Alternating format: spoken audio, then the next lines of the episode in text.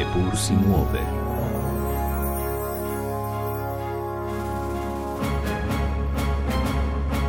In vendar se vrti.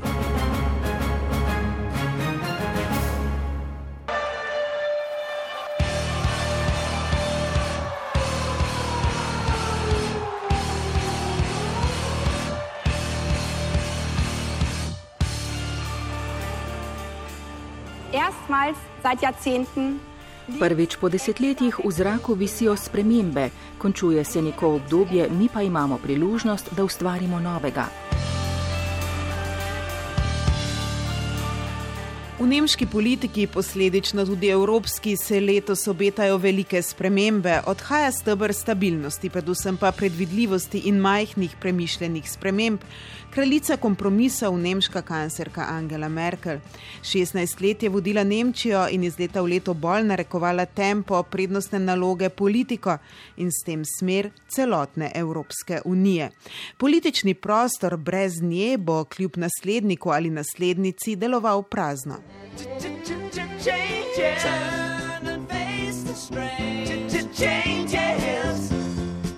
Mnogi bodo pogrešali predvidljivost nemške kanclerke, njeno zauzetost, strokovnost, nepopustljivost, sposobnost sklepanja kompromisov. A je veliko takih, ki so prepričani, da je njen odhod tudi priložnost, da se stvari v Nemčiji in Evropski uniji po njenem odhodu popravijo. Med njimi je tudi mlada okoljska aktivistka, nemška Greta Thunberg, kot ji pravijo, voditeljica nemškega gibanja Fridays for Future ali Petki za prihodnost, 25-letna Louise Neubauer. Takole je strnila svoje vtise o Merklovi v pogovoru z nami. Frau Merkel ist Physikerin, sie weiß genau, was die Klimakrise für uns an. Ähm Merklova je fizičarka, ve, kakšne težave, izzive in nevarnosti nam prinaša podnebna kriza že danes. Kljub temu je v neki obliki omogočila, da Nemčija proizvede več izpustov kot skoraj katerakoli druga država na svetu. Takih držav je morda pet, šest. Veliko priložnosti je izpustila, energetski preobrat ni uspel. Bili smo polni upanja, ko je energija iz obnovljivih virov postala konkurenca premogu, smo to ustavili. Podaljšali so uporabo premoga. Ustvarila je iluzijo, da bo vse v redu in lepo. Zelo lahko je bilo verjeti, da bo vse dobro, da smo na dobri poti, da bo vse boljše, da bo vse boljše za otroke, da bo vse boljše za gospodarstvo, da bo država pravičnejša in da bo v njej več blaginje. To je iluzija, ki jo je ustvarila Merklova, v kateri sem tudi sama odrasla. V naši družini nihče ni volil CDU, pa se nam je vsem vseeno zdelo dobro, da je vedno znova izvoljena. Vsi smo mislili, če je Merklova tukaj, smo na dobri poti in to je bilo narobe, kajti ekološko smo bili vse drugo, samo na dobri poti ne. Vedno dlje smo bili oddaljeni od lastnih ciljev in to me vznemirja v smislu, kaj je pred nami, ko smo zapravili toliko časa.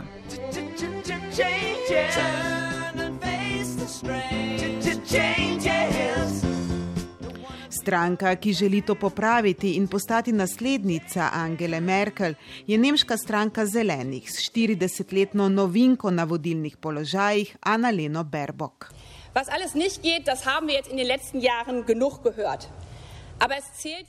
O tem, kaj vse ni možno, smo v zadnjih letih slišali dovolj, ampak zdaj šteje, kaj vse gre, kaj vse je možno. Zdaj velja, da moramo doseči nova pravila in sicer tako, da napredek in najboljše ne boste več izjema, ampak standard v prihodnosti.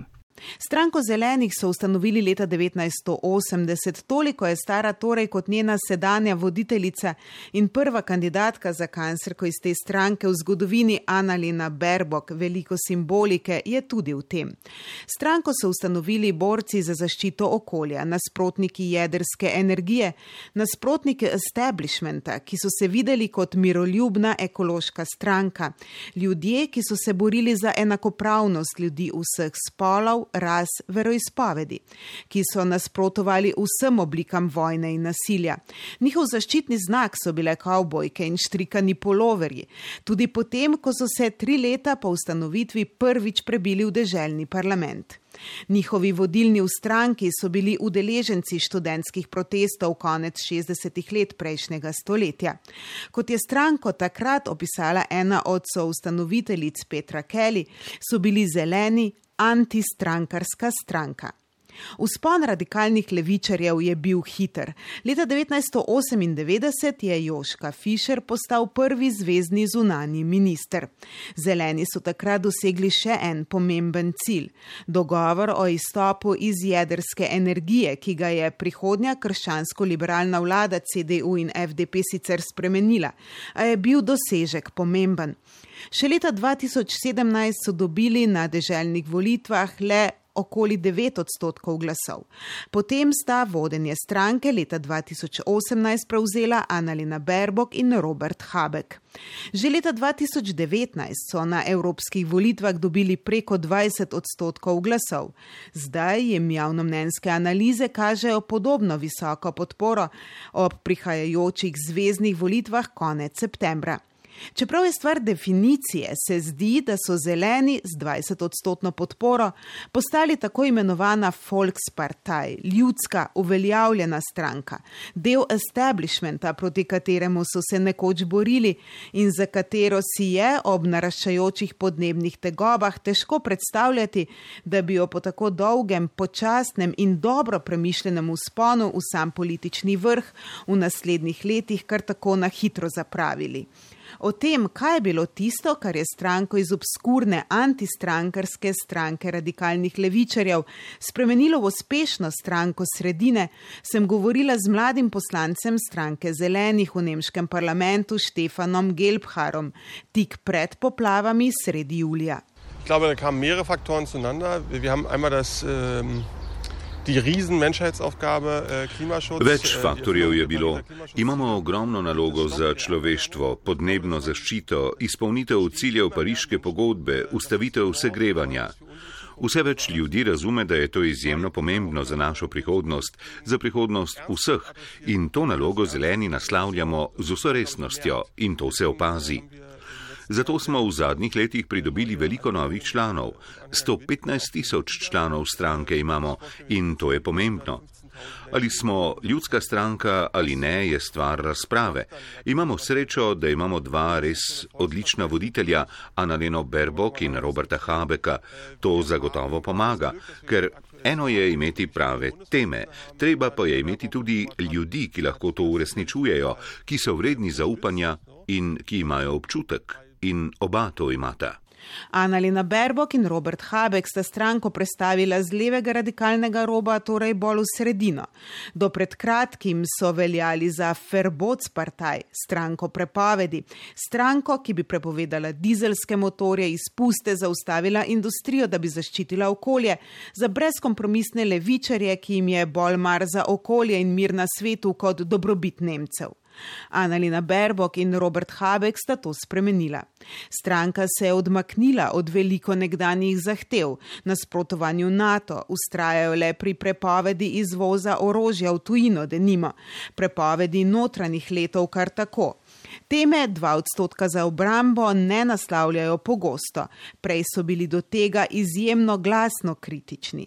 In še nekaj je zelo pomembno, na kar nas je opozoril Štefan Gelbhar, poslanec zelenih v nemškem parlamentu.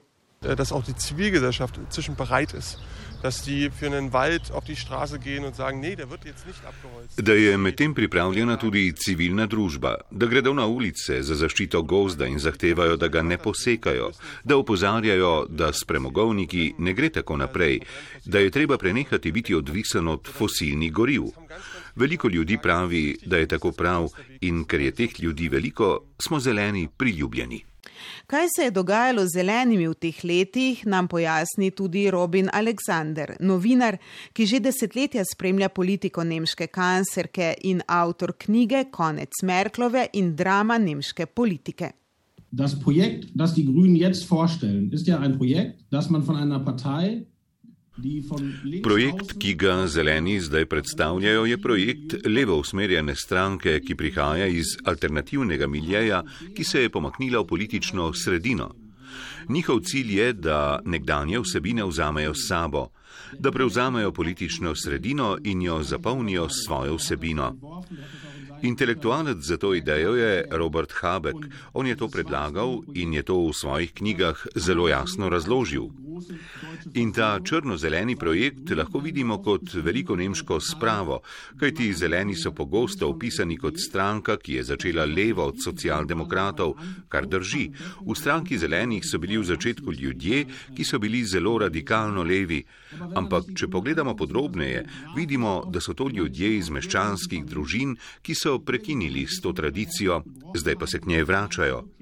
To lahko vidimo tudi kot neko geografsko spravo meščanskega zelenega miljeja. Aprila so med obema voditeljema Annalino Berbok in Robertom Habekom njo izbrali kot prvo kandidatko za kancerko zelenih. Ženske imajo pri zelenih vedno prednost, pravijo.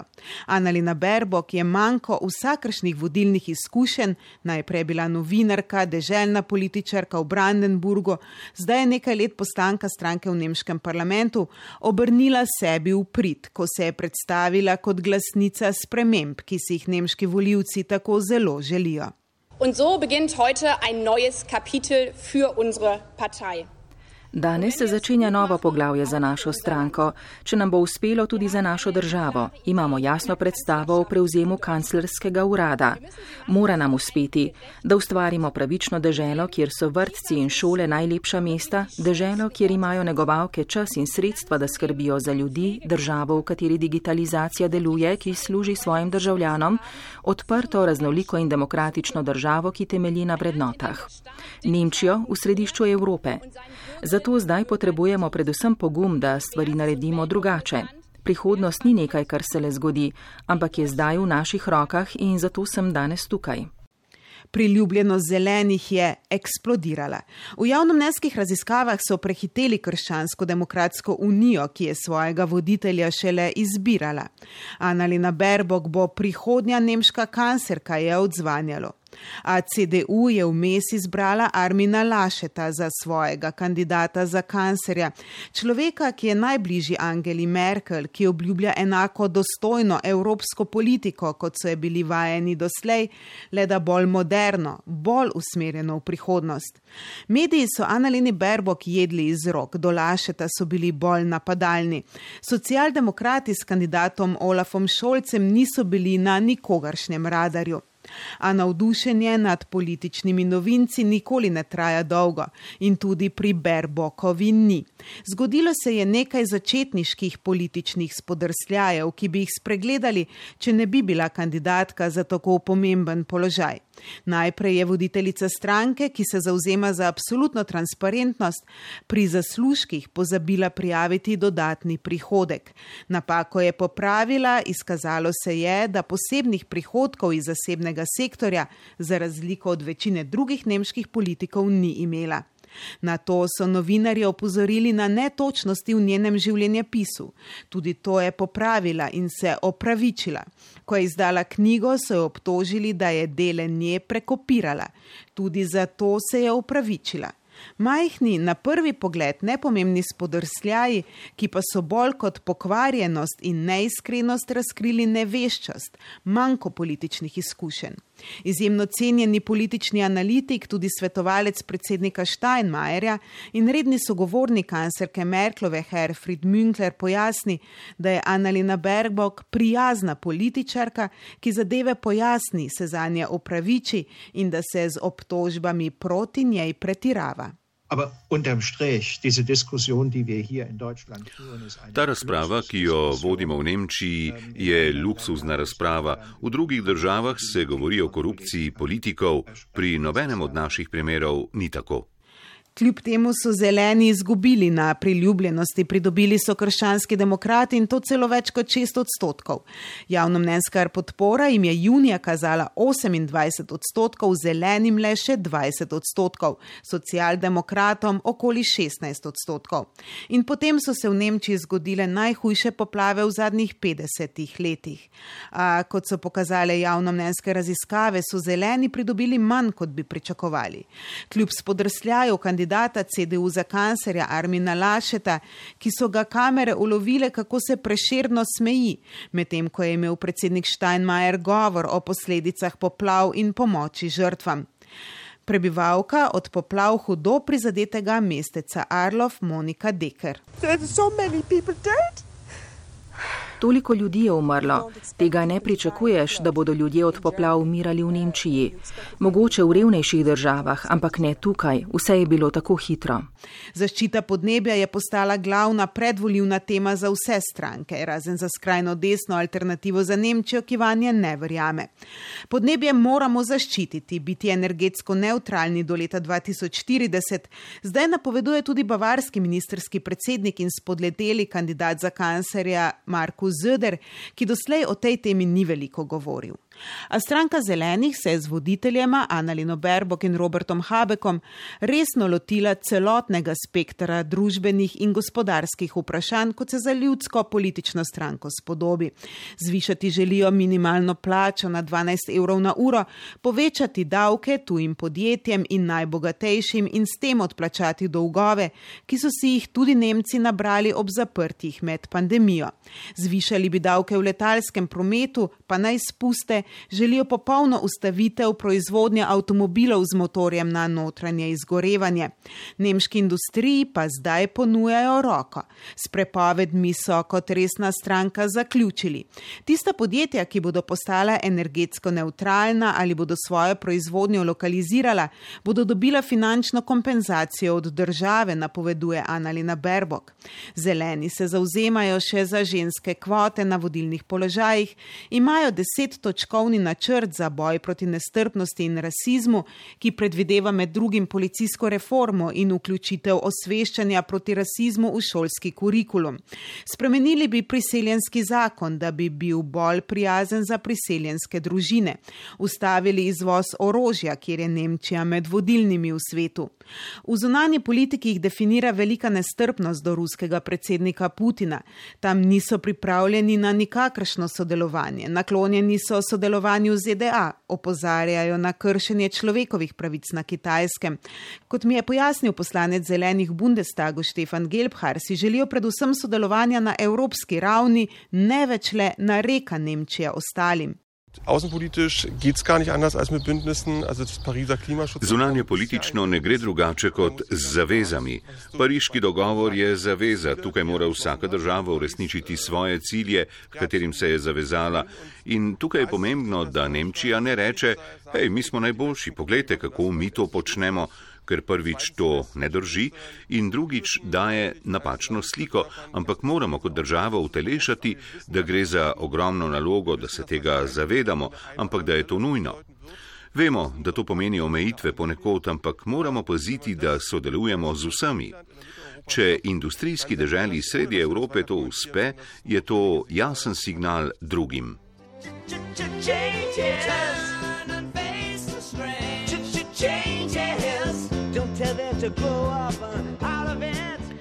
Stranka zelenih deluje kot najbolj odgovorna, zrela stranka v nemškem političnem prostoru ta trenutek. Kvalitete, ki so nekoč pripadale stranki krščanskih demokratov, odločenost, enotnost, dogovori. To vse je bolj vidno pri zelenih. Annalina Berbok, kandidatka za nemško kancerko stranke zelenih. In den letzten Jahren ist die Regierungspolitik in Deutschland wie auf Autopilot gefahren. Zadnja leta je bila Nemčija vodena, kot da je na avtopilotu. To je bila posledica politike nedogmatskih konservativcev, ki so delovali po načelu politika je politika trenutno mogočega. Za nas pa je politika tisto, kar lahko omogočimo, zato se borimo za nov začetek po volitvah. Želimo, da spremembe, ki jih prinašamo, pomenijo nov začetek. Prvič po desetletjih so v zraku spremembe. In če velja, da imajo krščanski demokrati v svojem DNK zapisu tudi željo po oblasti, so do te točke prišli tudi zeleni. Vladati želijo za vsako ceno. Annalina Berbok. Na to smo se pripravljali 40 let ob vseh težavah in napakah in zdaj je prišel čas, da prerodimo našo državo. Vse je na tnalu. Zeleni svoj uspeh gradijo na nečem povsem novem, na spremembah. Krščanski demokrati s kandidatom Arminom Lašetom pa obljubljajo, da z njimi ne bo tako velikih sprememb in ne bo preloma z obdobjem Merklove, tako kot pri drugih strankah. Za zdaj so krščanski demokrati uspešnejši, čeprav so po javnomnenjskih raziskavah sodeč spremembe tiste, ki si jih Nemci želijo. Le da očitno stranki zelenih z Analino Berbok ne zaupajo povsem, da bi jih znali izpeljati. Kakršen koli že bo izid, zmaga CDU ali zmaga zelenih, stabilne koalicije, kot smo je bili vajeni pod Merklovo, v prihodnje ne bo. Zeleni bodo zelo verjetno v vladi in njihov vpliv se bo poznal na vseh ravneh, če bo tako. A so zaradi velike želje po vladanju pripravljeni tudi na številne kompromise. Morda za konec še en stavek Analine Berbok, ki povzema njihov nov stil vladanja, ki ga prinašajo sabo in ki bi si ga želeli, celo nujno bi bilo slišati od vseh politikov. Zelo jasno smo povedali, ne potrebujemo boljših ljudi, potrebujemo boljšo politiko.